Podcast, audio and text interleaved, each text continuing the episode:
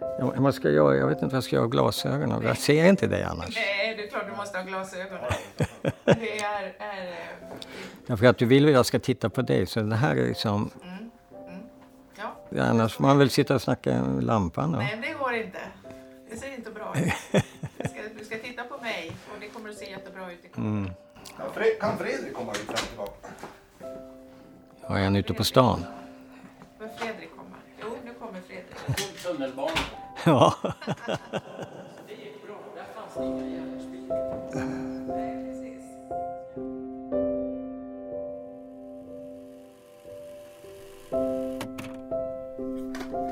Det ser ut som den spelar in. Okej, men du, eh, vem ska säga vad då, eller hur? Jag eller ska börjar. vi bara köra? Vi kör bara. Mitt emot mig sitter Anna Widerberg. Mm. Och framför mig här ser jag Fredrik Ydhag. Och på golvet, under bordet, här på studio hos bolaget Ljudbang i Stockholm, ligger hunden Patch. som är vår HR-chef. Han är vår HR-chef, väldigt duktig HR-chef. Vad är det här för en podd då? Ja, det är ju så att vi har i fem år arbetat med en långfilmsdokumentär om Ted Gärdestad.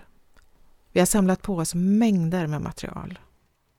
Och allt det här ryms inte i en film på två timmar. Så vi tänkte, vad gör vi då? Ska vi bara låta det ligga? Ska det inte användas? Ska ingen annan få höra på allt det här? Alla människor som har kommit in och suttit och pratat med oss och bjudit på de här berättelserna. Det skulle ju vara förfärligt ledsamt. Ja, det tycker vi. Så vi sa, vi gör en podd. Först ut är Kenneth Järestad. Och han berättar helt enkelt om hur alltihop startade. Det är helt plötsligt en dag så hade Ted fått ett dragspel. Och eh, den förklaringen som jag kan ge till det, det är väl att eh, pappa tyckte att Ted skulle liksom ha någonting. Han hade märkt att Ted var musikalisk på något sätt. För han sjöng ju mycket. Han kom ju hem från dagis och sjöng. Och, så han levde så in i musiken. Eh, ja, dagishemsmusiken. Eh, och, eh, det, så det blev väl ett svar på det, även om inte jag hade en aning om att, eh, att, att pappa skulle handla något. För han var ganska kräsen och lite snål tyckte jag själv då, sådär mot mig. Eh, men Ted fick ju ett, ett dragspel och jag tror att, att det kunde ha påverkats av att eh, pappas eh, kan säga, föreningsmedlem, Kurre Söderberg, en olympier i idrott och jag var en familj, va? att det påverkade pappas beslut. Att hade Janne Söderberg fått ett dragspel, då ska nog Ted få det också. Men han kunde ju sjunga, det hade vi ju förstått, liksom, på sitt barnsliga sätt och så. Så att musikaliteten, den hade han där. För han kunde komma hem från dagis och sjunga de här roliga visorna. Du skåning, du skåning. Imorgon ska du äta gröt och doppa den i honung så blir du tjock och fet. Tralalala, puff och så vidare. Så att musikaliteten fanns där i, eh, i en slags glädje för Ted. Jag tror att det kanske var där det, det kändes liksom. Där hade pappa liksom fångat upp Teds, Teds vurm liksom för, för vad musik är och att han märkte att Ted var glad han höll på med musik. Ja, Ted och Kennets pappa hette Arne och han var född 1923. Och jag tror att han var precis så som pappor var på den tiden. Ehm, 50-talet, va? Mm. Början på 60-talet kanske. Mycket eh, friskvård, mycket Absolut. träning. Kenneth har ju berättat om hur eh, Ted, han var ju kanske den utav dem som var kraftfullast. Kenneth Mm. berättar att han är ganska, ganska spinkig kille, Mm. men Ted är, är mer kraftfull liksom. Mm. Och pappa Arne eh, tränar honom när han är jätteliten med en medicinboll som han får försöka ta emot. Jag kommer ihåg att Kenneth sa det, att medicinbollen var, vad var den, två gånger större än lilla Ted. Typ. Mm. Dessutom kommer du ihåg det att Kenneth berättade att eh, pappan tyckte att också, pappa Arne tyckte också att det var väldigt viktigt att de var mångsidiga. Så Mm. Kenneth han fick träna ballett. Mm, just det. Sa inte Kenneth också att det var skämmigt? Det var lite pinsamt i början. Jo, han tyckte Men nog att- att, det var lite pinsamt. Men att pappan var, sa att det, det är inget att svamla om. Det är bra för balans, det är bra för muskelstyrka. Det, det var bara inget snack om den saken. Det finns ett underbart klipp där, um, hur gammal kan Ted vara där? Bara en liten bebis. Vad är han? Ja, herregud, han är ju inte ett år. Han Nej. är ju mindre. Han är ju spädbarn. Och då ser man först hur uh, Kenneth och Kjell gör såna här pull-ups, visar en mattställning. Uh, och plötsligt dyker pappa upp och lyfter upp lilla Ted. Så det var ingen snack om att... Uh, Så får Ted ta tag med händerna liksom. och, så, och så släpper ju pappa. Så hänger han där i sina händer och ser ganska olycklig ut faktiskt. jo. Och sen väldigt bestämd och sur ut med Ja. ett väck i pannan. Ja. Jo, men det, jag, jag tror ju, eh, vi har ju vi har ju träffat ganska många eh, personer när vi har arbetat med den här filmen och vi har ju visat en del utav, eh, alltså en, vissa delar utav filmen för de medverkande och och just den här, den här delen när, när Kenneth pratar då om, om sin pappa Arne och, och att han ställde ganska höga krav på sina pojkar och sådär. Mm. Så bland annat Erik Wangberg då som vi träffade som var Teds producent i, när, när Ted och Kenneth var i USA då, han, eh, han fick se det här och när han såg det så tittade han och så sa han precis som det var min pappa också. Mm. Mm. Och när jag visade den här delen för min pappa som är född på, på 1940 så sa han exakt samma sak. Så han sa precis så här var min pappa. Sån här var din farfar Anna när vi var små.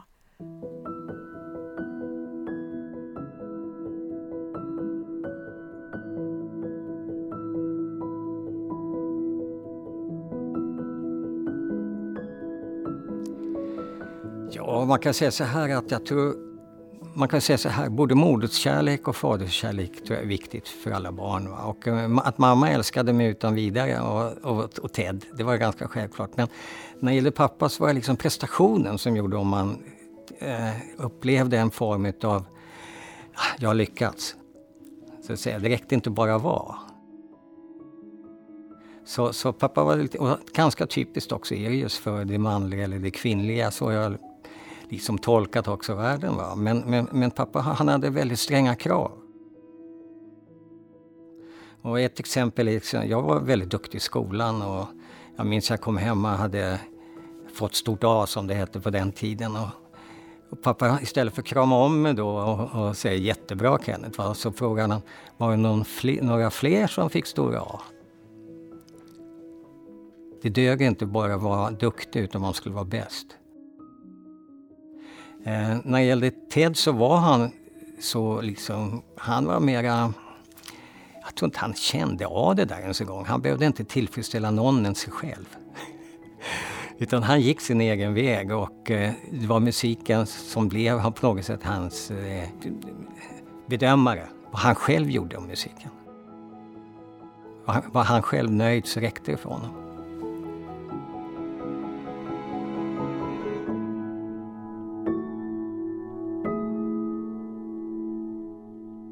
När det gäller Teds musikintresse så var ju... Självklart var det så att vi gjorde egna låtar som mer var barnlåtar men väldigt tidigt märkte jag att han var intresserad för en engelsk popgrupp som hette Beatles. Och han blev så totalt påverkad. Att jag vill påstå att det bara var liksom Beatles nummer ett och Beatles nummer två och sen så fanns det egentligen inte något annat. Utan han relaterade hela tiden tillbaks till vad Beatles gjorde. Och, eh, jag köpte Beatles-skivor åt honom då. Ehm, för att få honom glad. Då.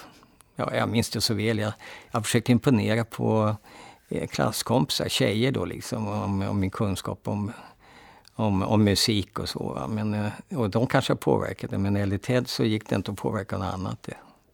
Nej, Beatles blev husgud.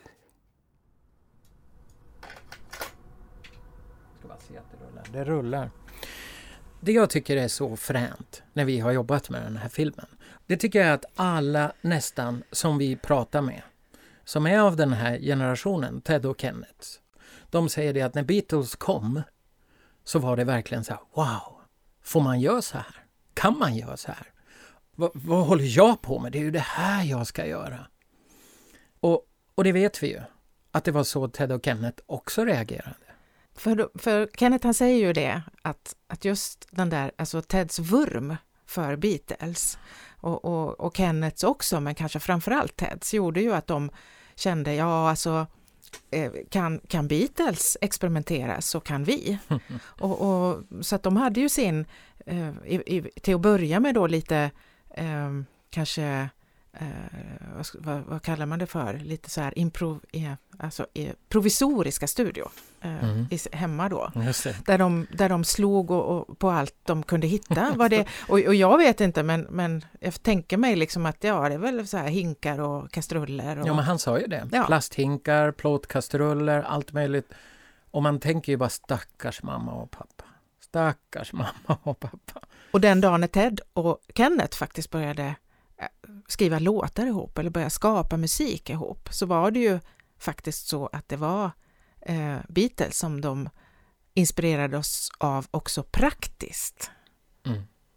På så vis att de byggde sina låtar enligt samma struktur som de hade lärt sig från Beatles låtar, som Precis. de hade studerat ganska noga. Dragspelet var ju Teds första riktiga instrument. Men, men just den här påverkan utav popmusiken och Beatles gjorde ju att han blev så fascinerad av just gitarren som instrument. Därför att det var ju ett mera popmässigt val. Eh, och jag spelade gitarr och, och, eh, så jag hade ju på vanligt sätt en normalsträngad gitarr. Men, men Ted var ju vänsterhänt. Så eh, han spelade upp och ner helt enkelt. Lärde sig ackorden alltså med, med, med eh, bassträngarna neråt. Och det lät ju lite märkligt då naturligtvis. Eh, men det var så han spelade tills kom på att vi kanske skulle byta den där, den där ordningen på, på, på strängarna så, så att de blev över till hans vänsterhänta spel då. Åt det hållet. Och det, så blev det. Men eh, gitarr, jag kommer ihåg gitarren vi hade vid den tiden, alltså den var, eh, den var ju skavd liksom. Den blev skavd utav hans rasslande mot de där strängarna och det var ja, på fel sida om strängarna kan man säga. Han var ihärdig.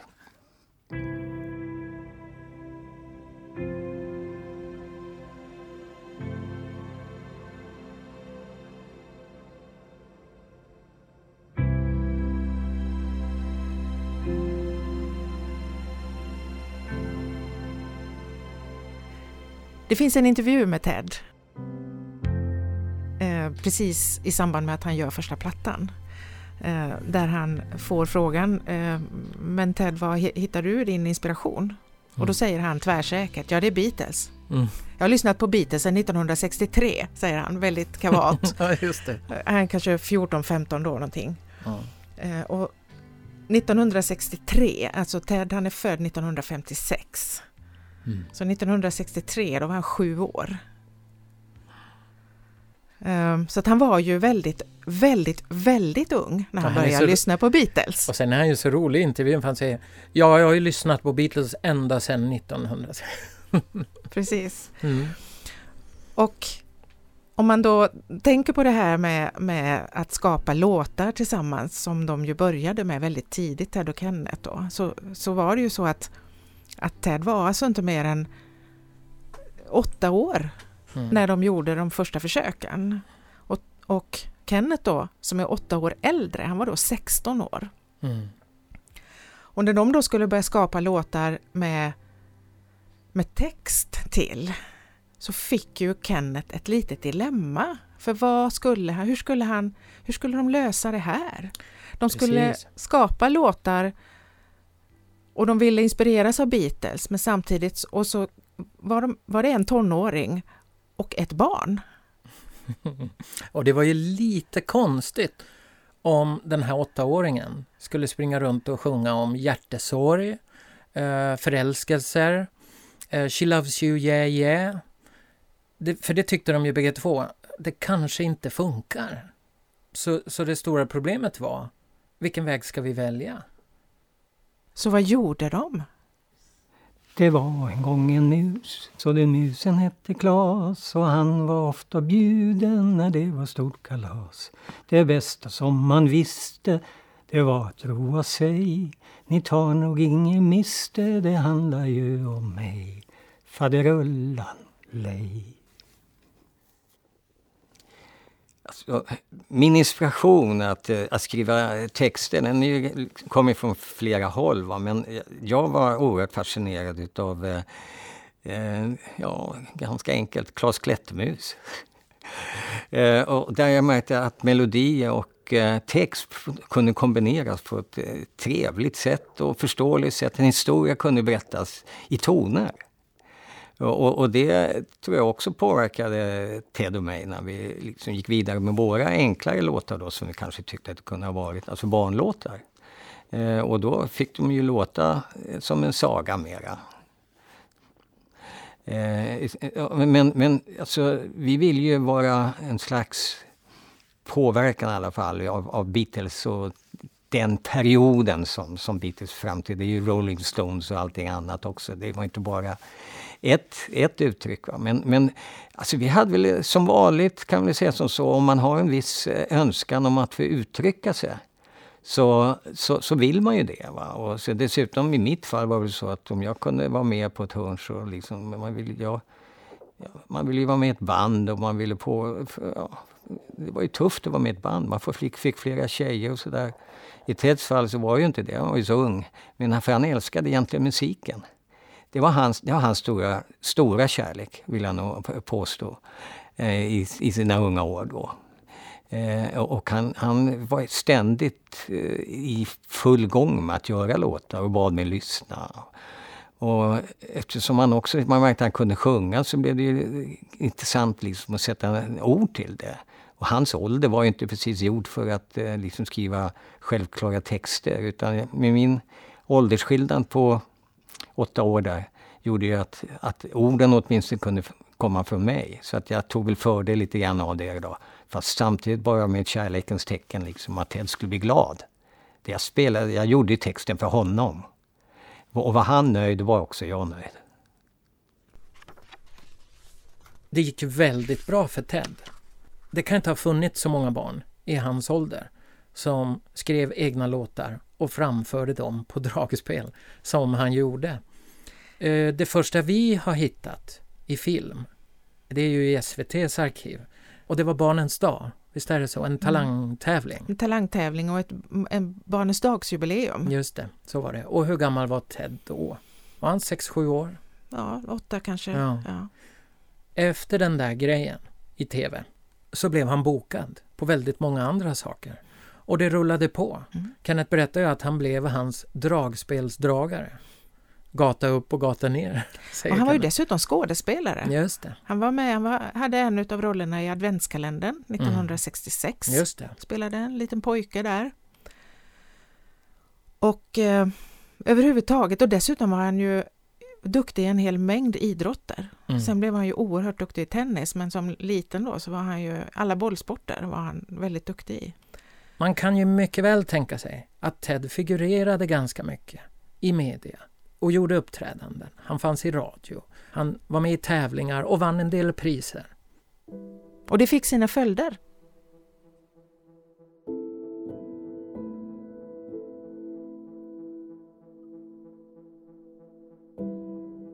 Teds framgångar gjorde ju att andra liksom på något sätt i deras egna ögon förminskade. Så Ted blev ju lite han blev lite för stor för klasskamraterna kan man väl tänka sig. Så det var ju många sätt liksom att få honom att bli likvärdig genom att vara ganska hårdhänt mot honom då. Eller ja, sätta honom på prov och sådär. Eh, och när det gällde hur han såg ut, det var ju ett sätt liksom reta sig att han hade fräknar. Eh, men jag ville liksom göra någonting positivt av det där. Och den ådra jag hade, det var ju att skriva text om det där. Och låta det istället bli en, en kul historia. Någonting som man kan tjäna på. Man ska ta tillvara på det som är dåligt och göra det till någonting som är bra.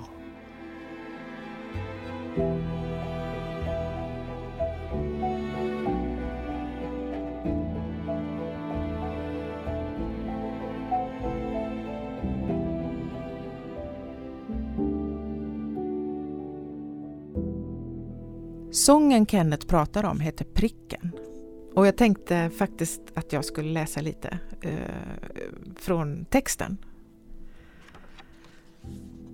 Jag ska berätta en historia. Den är kanske inte sann, men det hände mig en dag när solen sken på himmelen.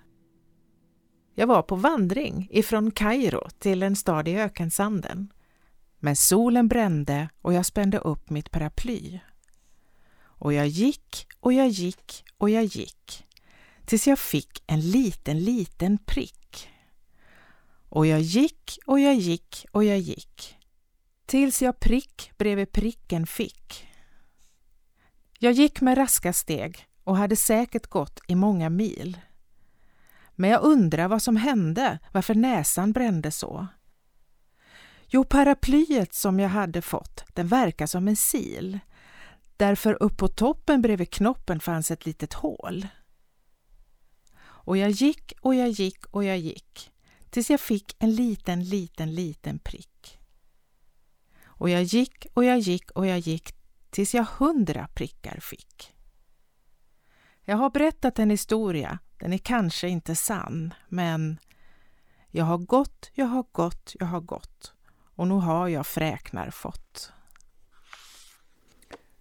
Och det här som Kenneth pratade om tidigare med Klas Klättermus.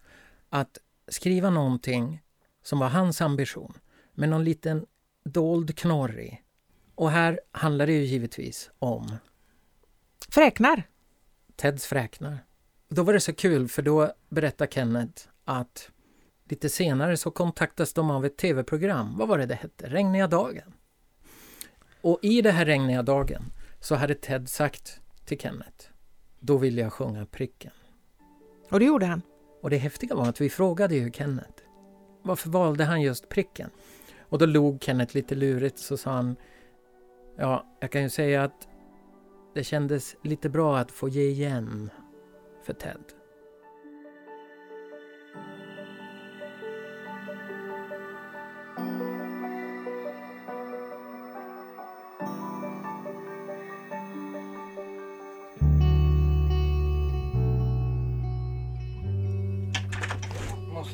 Teknikern komma igen. Är vi en tekniker? Nej, det gör det.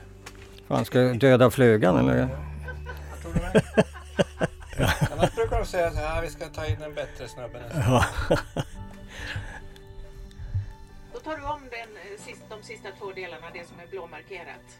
Okej? Varsågod. Och som vanligt så gick han in i kärleken och förhållandet. Oj, vänta. Kan ta om det. Ja, gör det. Och som vanligt så gick han in i kärleken och förhållandet till ett 100 producenter som slukade en hel haj. Jag skulle uppskatta om du tog det igen.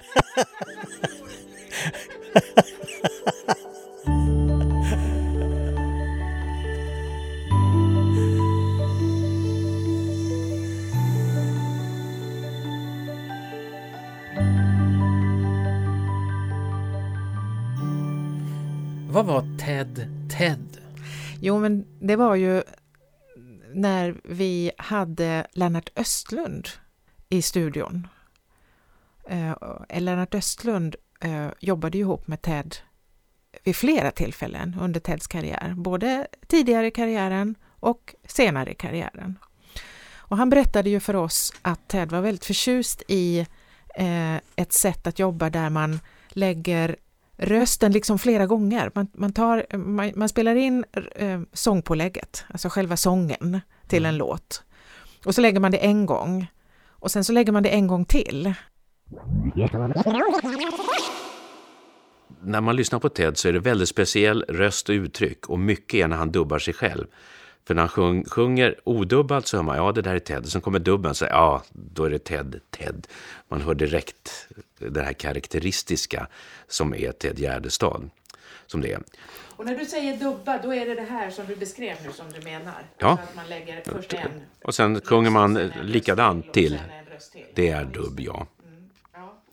Men då hade vi ju fått den här eh, Synchronizer hette det. Då kunde man köra två stycken 24. Då hade man alltså 48 kanaler. Och eh, vi var inte vana vad man skulle göra. Det köra ner en mix som man skulle kunna sjunga till, för vi skulle ha det till sångpålägg. Men vi hade två stycken och den här synkronisen var seg som bara den. Det tog en halv minut för de här banden att åka upp och det liksom, som det åkte varje gång. Men Ted ville då sjunga in på den här där det fanns ja, 21 kanaler hade vi där för att en gick till synk och man hade lite annat. Och eh, den perfektionist han var så ville han ju sjunga in på alla 25, eller 21. Så vi gjorde 21 sångpålägg. Och sen så kom det här lilla misstaget att två sånger kom upp samtidigt.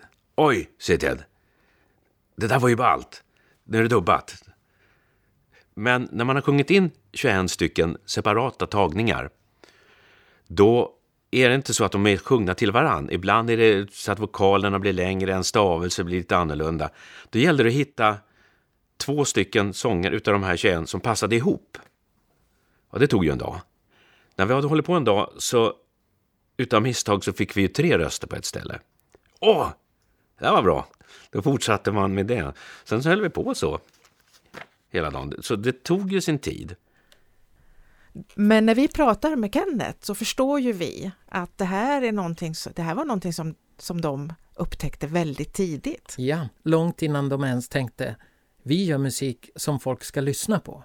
Då var de fortfarande i fasen av att göra musik bara för att vi måste göra musik, för det här är kul.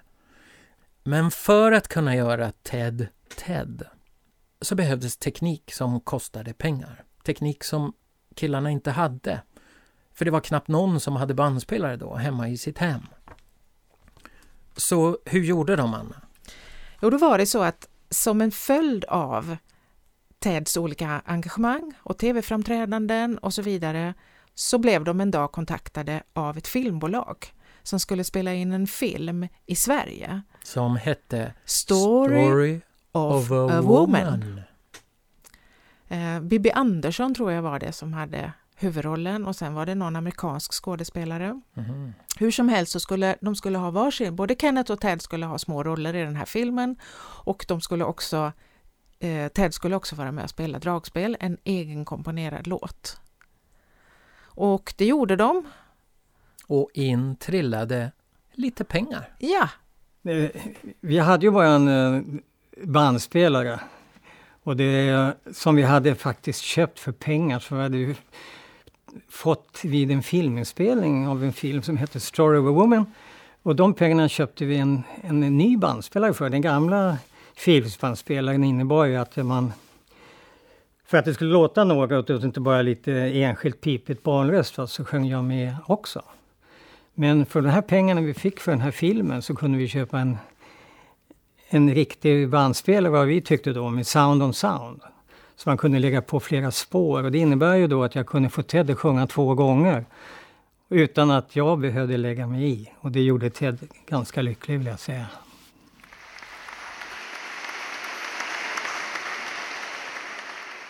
Kära lyssnare, nu kommer en liten humorpärla med Kenneth.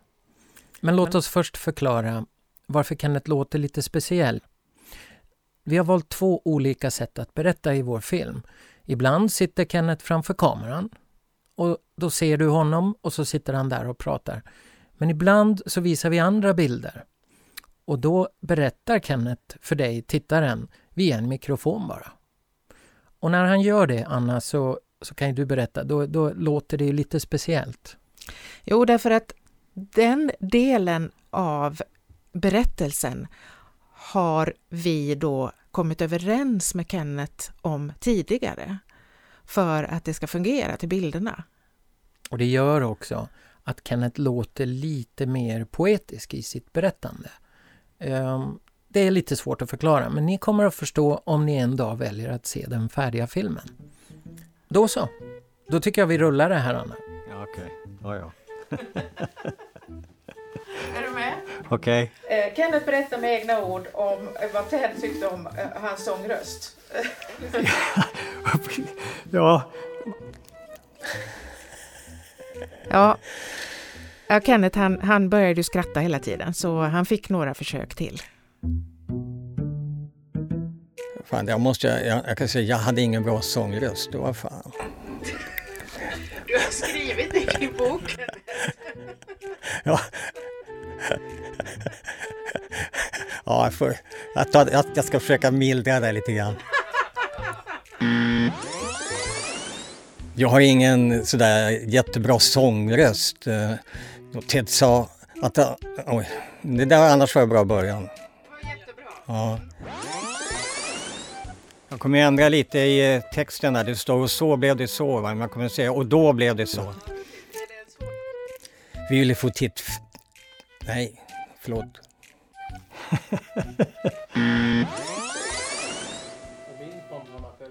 Vill du att jag ska sjunga? Jag har ingen sådär jättebra sångröst. eh, Men Ted sa att aldrig dra åt mig. Oj, sa det att aldrig dra åt mig. Men det gick ju inte.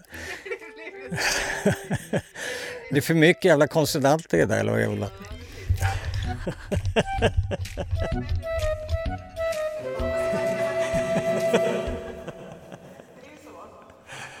Kenneth var ju med hela vägen, hela filmarbetet, från, i stort sett från dag ett. Ju. Och vi arbetade ju tillsammans med honom med manuset, med filmmanuset. Och när Kenneth satte igång med våra texter var det bara, nej det är för mycket konsonanter här, det är för hårda, det måste... Så det var väldigt fascinerande att se hans eh, genialitet med texter, verkligen, ord. Det blev ju jättetydligt när Mm. vi hade honom här i studion. Sen tyckte jag det var så roligt därför att jag säger alltid mor och far. Och det hade vi skrivit också ju i vårt manus. Precis, så ibland när vi skrivit sånt som vi ville att Kenneth skulle prata om så kunde det stå Kenneth berättar om sin mor och far. Och Kenneth bara sa Fredrik, jag säger inte mor och far. Jag säger mamma och pappa. Du får ändra här. Det som var väldigt tydligt, det var ju hans otroliga förmåga att eh, arbeta med text. Och något annat som har förvånat mig, som jag trodde alla visste, det var just det här att Ted skriver musiken. Kenneth skriver texten. Och människor som man möter ute då när man berättar att man håller på med, med den här långfilmen om Ted Gärdestad så är det jättevanligt att vissa vet inte om att de var två bröder som samarbetade utan trodde att Ted gjorde alltihopa. Mm.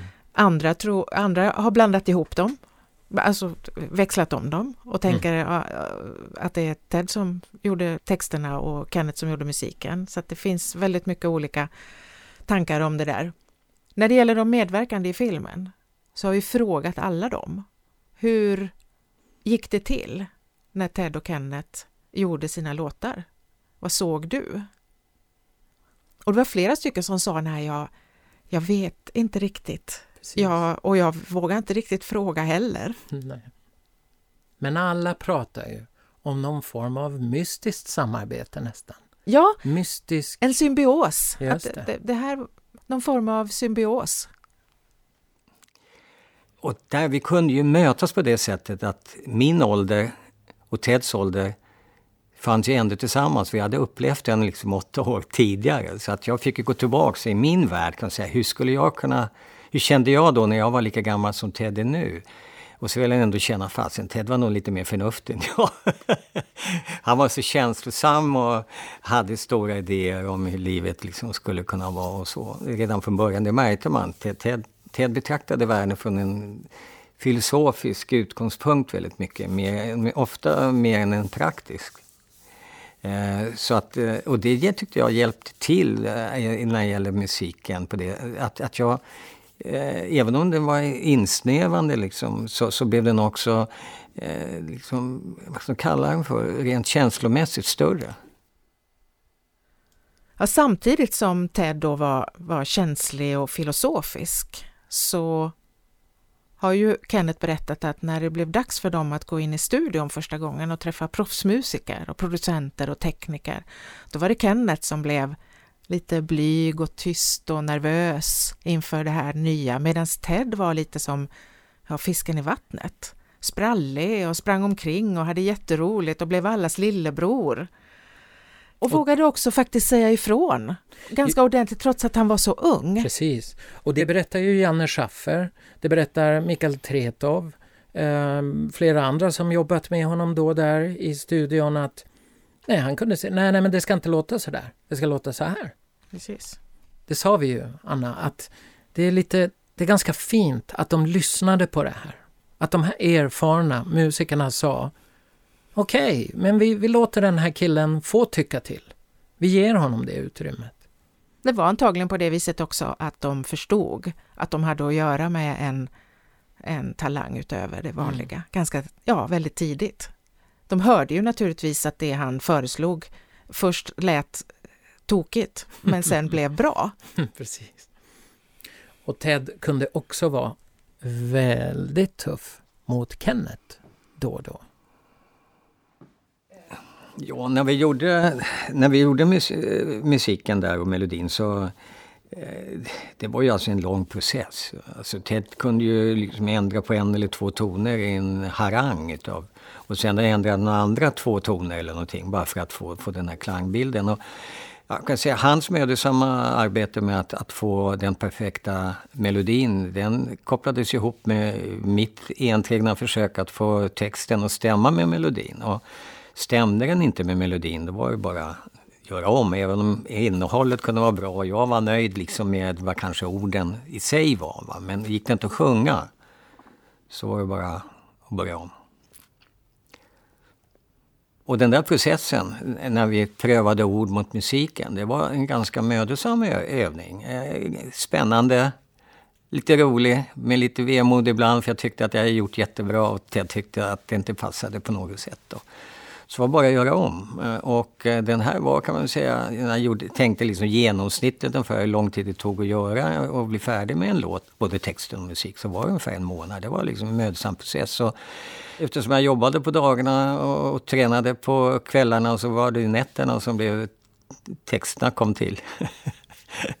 Ted var likadan kan man säga. Ja, var, där kom, kom melodierna till. Han, han satt vid sitt piano. Oftast var det piano. Det hände ju ibland att det var gitarr och så. Men eh, främst var det piano som var hans eh, musikaliska kamrat. Vi var ju oerhört nyfikna på det här redan från början. Kenneth berättade för oss att det bara flödade musik ur Ted hela tiden. Åh, Kenneth, kom och lyssna på det här. Du, Kenneth, jag har en ny på gång. Eh, Kenneth, vad tror du om det här? Och Kenneth säger ju att det var bra också. Det lät väldigt bra. Och det var ju del i att Kenneth också sa en dag till Ted, jag kanske skulle skriva text till det här. Just för att det lät så bra. Så vi var ju, vi ville ju bara fråga Kenneth, hur kändes det att få vara där? Få stå där med Ted, få stå bredvid. Hur kändes det att få vara med när det här händer? Så när Kenneth kom hit till studion då, så frågade vi honom naturligtvis. Berätta om den här magiska upplevelsen, att stå bredvid Ted och vara med om hur de här odödliga låtarna, melodierna kom till. Att, att vara med i själva ögonblicken när han håller på och leker och leker och hittar den ena tonen och den andra tonen, det är ju ett ganska trist äventyr. För det kan vara fyra toner och det ändras olika. Och så, så han vill ha det så himla perfekt. Utan jag väntar ut ögonblicken när man känner liksom vad en låt börjar utvecklas som.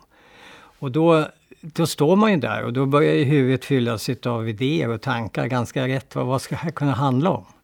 För att det, det gäller liksom att få en slags impuls. Vad, vad, är liksom kärnan i, vad är det Ted vill berätta med musiken?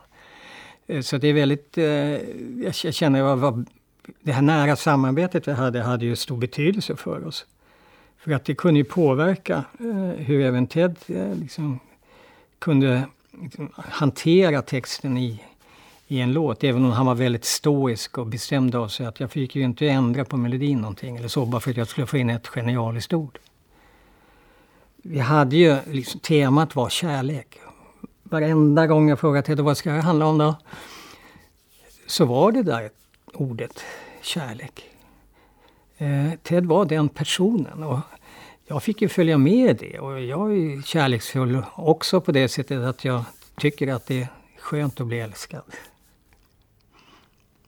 Och vi har ju förstått att när Ted sa Kenneth, det ska handla om kärlek, så var det ju inte så enkelt det fanns många nivåer i det här.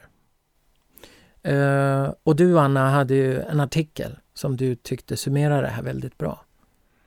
Ted han blir intervjuad uh, i Veckorevyn i mars 1978. Um, Hur gammal är han då? Då är han 22. Just det. Eh, Och då frågar reporten där, Gisela Fridén heter hon, vad anser du att kärlek är? Och då svarar han så här. Kärlek är den innersta förutsättningen för all existens. En stark längtan. Tron på hoppet. Möjligheten till en slags uppgående i evigheten. Och nu menar jag inte bara kärleken mellan man och kvinna.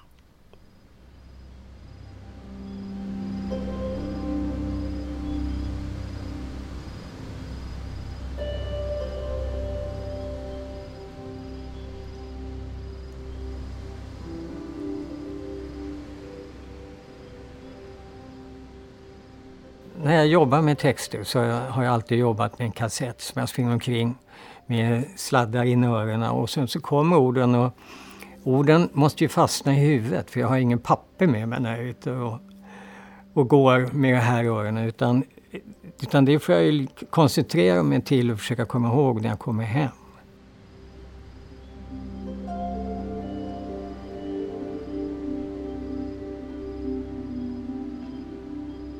Hur orden flödar i huvudet. Det är jag tacksam för att, att jag inte vet så mycket om. Eller hur ska man säga om det? Liksom det, det är känslomässiga reaktioner. Där man upplever det smakar salt eller sött på sätt på, på tungan ungefär.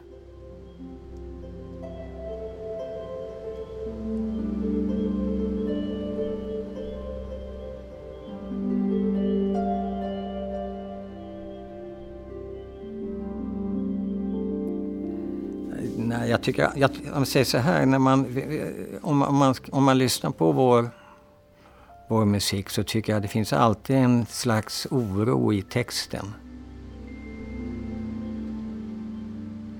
Eh, det vill säga undringar kring hur liksom livet gestaltas, eh, om man är älskad eller att man vill vara älskad. Eh, det ihopkopplat med eh, naturen. Alltså våra låtar är inte bara kärlek till, till oss som människor utan också kärlek till naturen vill jag säga. Eh, och jag använder mig då väldigt mycket utav symbolspråk. Det var ett sätt att eh, att förkorta, kan man väl säga, upplevelsen. Om man kunde få en, en bild utav det Ted försöker sjunga. Om orden kan berätta en bild så menar jag att då blir upplevelsen mycket större. Man ska inte beskriva världen i en och samma sång. Utan man ska bara beskriva en liten del av världen. Steven Sondheim sa det i en artikel. Han sa att det största problemet som unga textförfattare har det är att de försöker beskriva livet i en och samma låt. Eh, istället för att hålla sig till en detalj. Och där brukar jag ge Povel Ramel, eller ge, som ett exempel när han berättar om bara, bara vanligt vatten. Alltså att bara ha en, en, en, en enkel rad som, som man hakar upp det till. Va? Därför att beskriver man världen som den ser ut i en låt, då har man ingenting mer att berätta kan man säga själv. Utan man får ta till en, en del. Och så. Eh, och det där det, det, var någonting som jag också tog fasta på. Eh, och eh, försökte förhålla mig till ett tema. Och temat var ju naturligtvis eh, på något sätt en kärlekssituation. Sedan så använde jag mig av, om vi ska gå in på lite saker, hur jag, man som författare eller poet, vill jag väl kanske kalla mig här då, eh, citationstecken för musikaliska verk. Eh, så var det, att för, det var kraven som Ted ställde. Det skulle vara sångbart. Det skulle vara konsonanter som inte puffade i mikrofoner. Det skulle inte vara S som svävade i mikrofon och eh, det, det, var K som var hårda. Utan Ted ville ha ord som var på vokaler, sångbara ord. Eh, och teknikerna ville inte ha de där puffarna som de fick sudda ut och jobba hårt med efteråt. Så det fanns väldigt stränga kan man säga, förhållningsregler. Men den som var den som alltid bestämde, det var ju hur det än gick till, så var det alltid Ted. Var inte han med på noterna, då gick det bara inte över. Jag kunde aldrig, aldrig övertala Ted att göra någonting som han inte själv trodde på.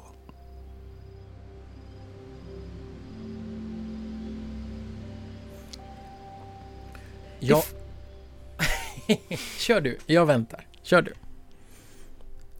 När Ted och Kenneth kom till skivbolaget som var Polar med sina första låtar och fick ett kontrakt då att göra en första platta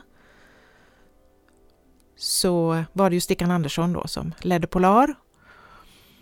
Och de började ju spela in där och eh, Kenneth han jobbade på med texter och eh, vid ett tillfälle, berättar Kenneth då, så tog Stickan honom avsides och så sa han att eh, ja, jag vet inte riktigt eh, i längden hur det här kommer att fungera. Kan du verkligen skriva texter som fungerar eh, för en 15-åring? Du är ju 23. Kommer det att fungera eller kommer, tror, kommer det inte att bli lillgammalt helt enkelt? Och ja. Kenneth blev sårad, han berättar ju det. Ja. Kenneth blev sårad och mm. han Eh, kände också ett väldigt behov av att bevisa att han kunde eh, göra det här, att han kunde jobba tillsammans med Ted med det här. Och vi var ju väldigt nyfikna, men vi vet ju också att om man oftast frågar en musiker om vilken låt som är deras favorit så brukar de ofta säga att ja, men det, jag kan inte säga så, de är alla mina bebisar. Jag kan inte välja. Men vi sa det, finns det någon av de tidigare låtarna som, som sticker ut för dig? Och då svarade han Sommarlängtan. Ja, det här paketet med, eller vad ska jag kalla för, de här, den här tejpen som vi hade med oss till, till stickan för att imponera. På, på, den, eh, på det bandet så fanns det en låt som hette Sommarlängtan. Eh, och den eh, skrevs ju utan egentligen att vi hade någon form av ska jag säga, krav på oss. Annat än våra egna. Eh, och där lyckades, eh, vad jag tycker, få Ted att må bra av de, de ord jag fick till där. Jag var väldigt nöjd med den. Och Ted var väldigt nöjd med den och han hade inte haft några invändningar ens överhuvudtaget. Så att det, eh, det gjorde att eh, Ted och jag fick en slags... Jag, vi trodde på varandra och litade på varandra. Och eh, även om vi ibland kunde diskutera hur hur texten skulle innehålla. så, så, så. Jag hade det som bevis. Det är det jag ville säga nästan. Sommarlängtan var mitt bevis. Jag kan utan att ni bryr er. Så skivbolaget som Ted och Kenneth gjorde sin första skiva tillsammans med och som de sen kom att samarbeta med. Det var ju Polar. Eh, och vdn där var ju som vi sa tidigare Stickan Andersson. Men det var ju lite häftigt att höra Kenneth berätta vilken otrolig, inte bara det att de var begåvade och de lämnade över band som lät bra och som innehöll löften som de på Polar kunde plocka upp. Utan Stickan hade ju också gett två av sina producenter där en uppgift, eller hur Anna? Alltså när Ted och Kenneth dök upp där på Polars kontor så var de lite som gudasända därför att de här två producenterna då, som hette Björn Ulveus och Benny Andersson och som arbetade på Polar. De hade fått i uppdrag av Stickan att leta efter unga talanger. Och de hade redan en flicka, en tjej som hette Lena Andersson. Så det var bra om det var en pojke. Och där kommer Ted! Så började man jobba. Och producenter för skivan blev ju Björn och Benny. Och titeln på plattan blev Undringar och det gick ju väldigt bra för den. I Expressen 1 september 1972 skriver Hans Fridlund att nu har det varit utdelning av diamantskiva för 50 000 sålda ex för debutskivan Undringar. Skivan ligger etta på försäljningslistan Kvällstoppen för åttonde veckan i rad. Och vi frågade Kenneth, vad, vad tyckte han om titeln Undringar?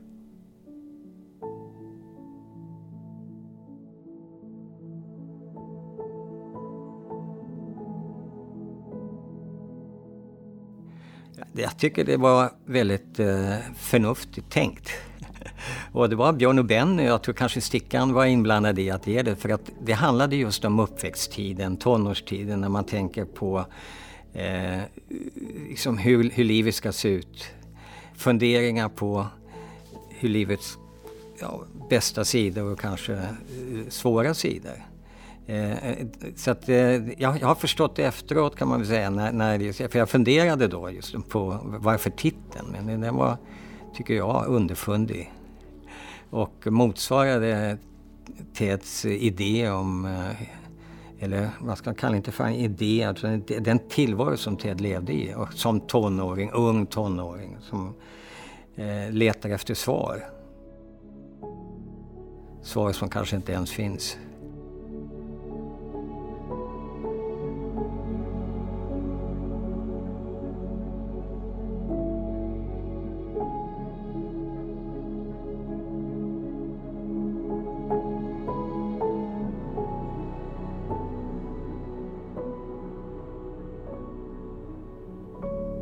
Här var första delen med Kenneth. Och han kommer att återkomma lite längre fram i den här podden. Musiken du har hört är royalty free. Men om du kikar i texten under podden så hittar du all information om låtarna och deras upphovsmakare. Tack för att ni har lyssnat. Vi hörs igen nästa gång mellan mörker och ljus.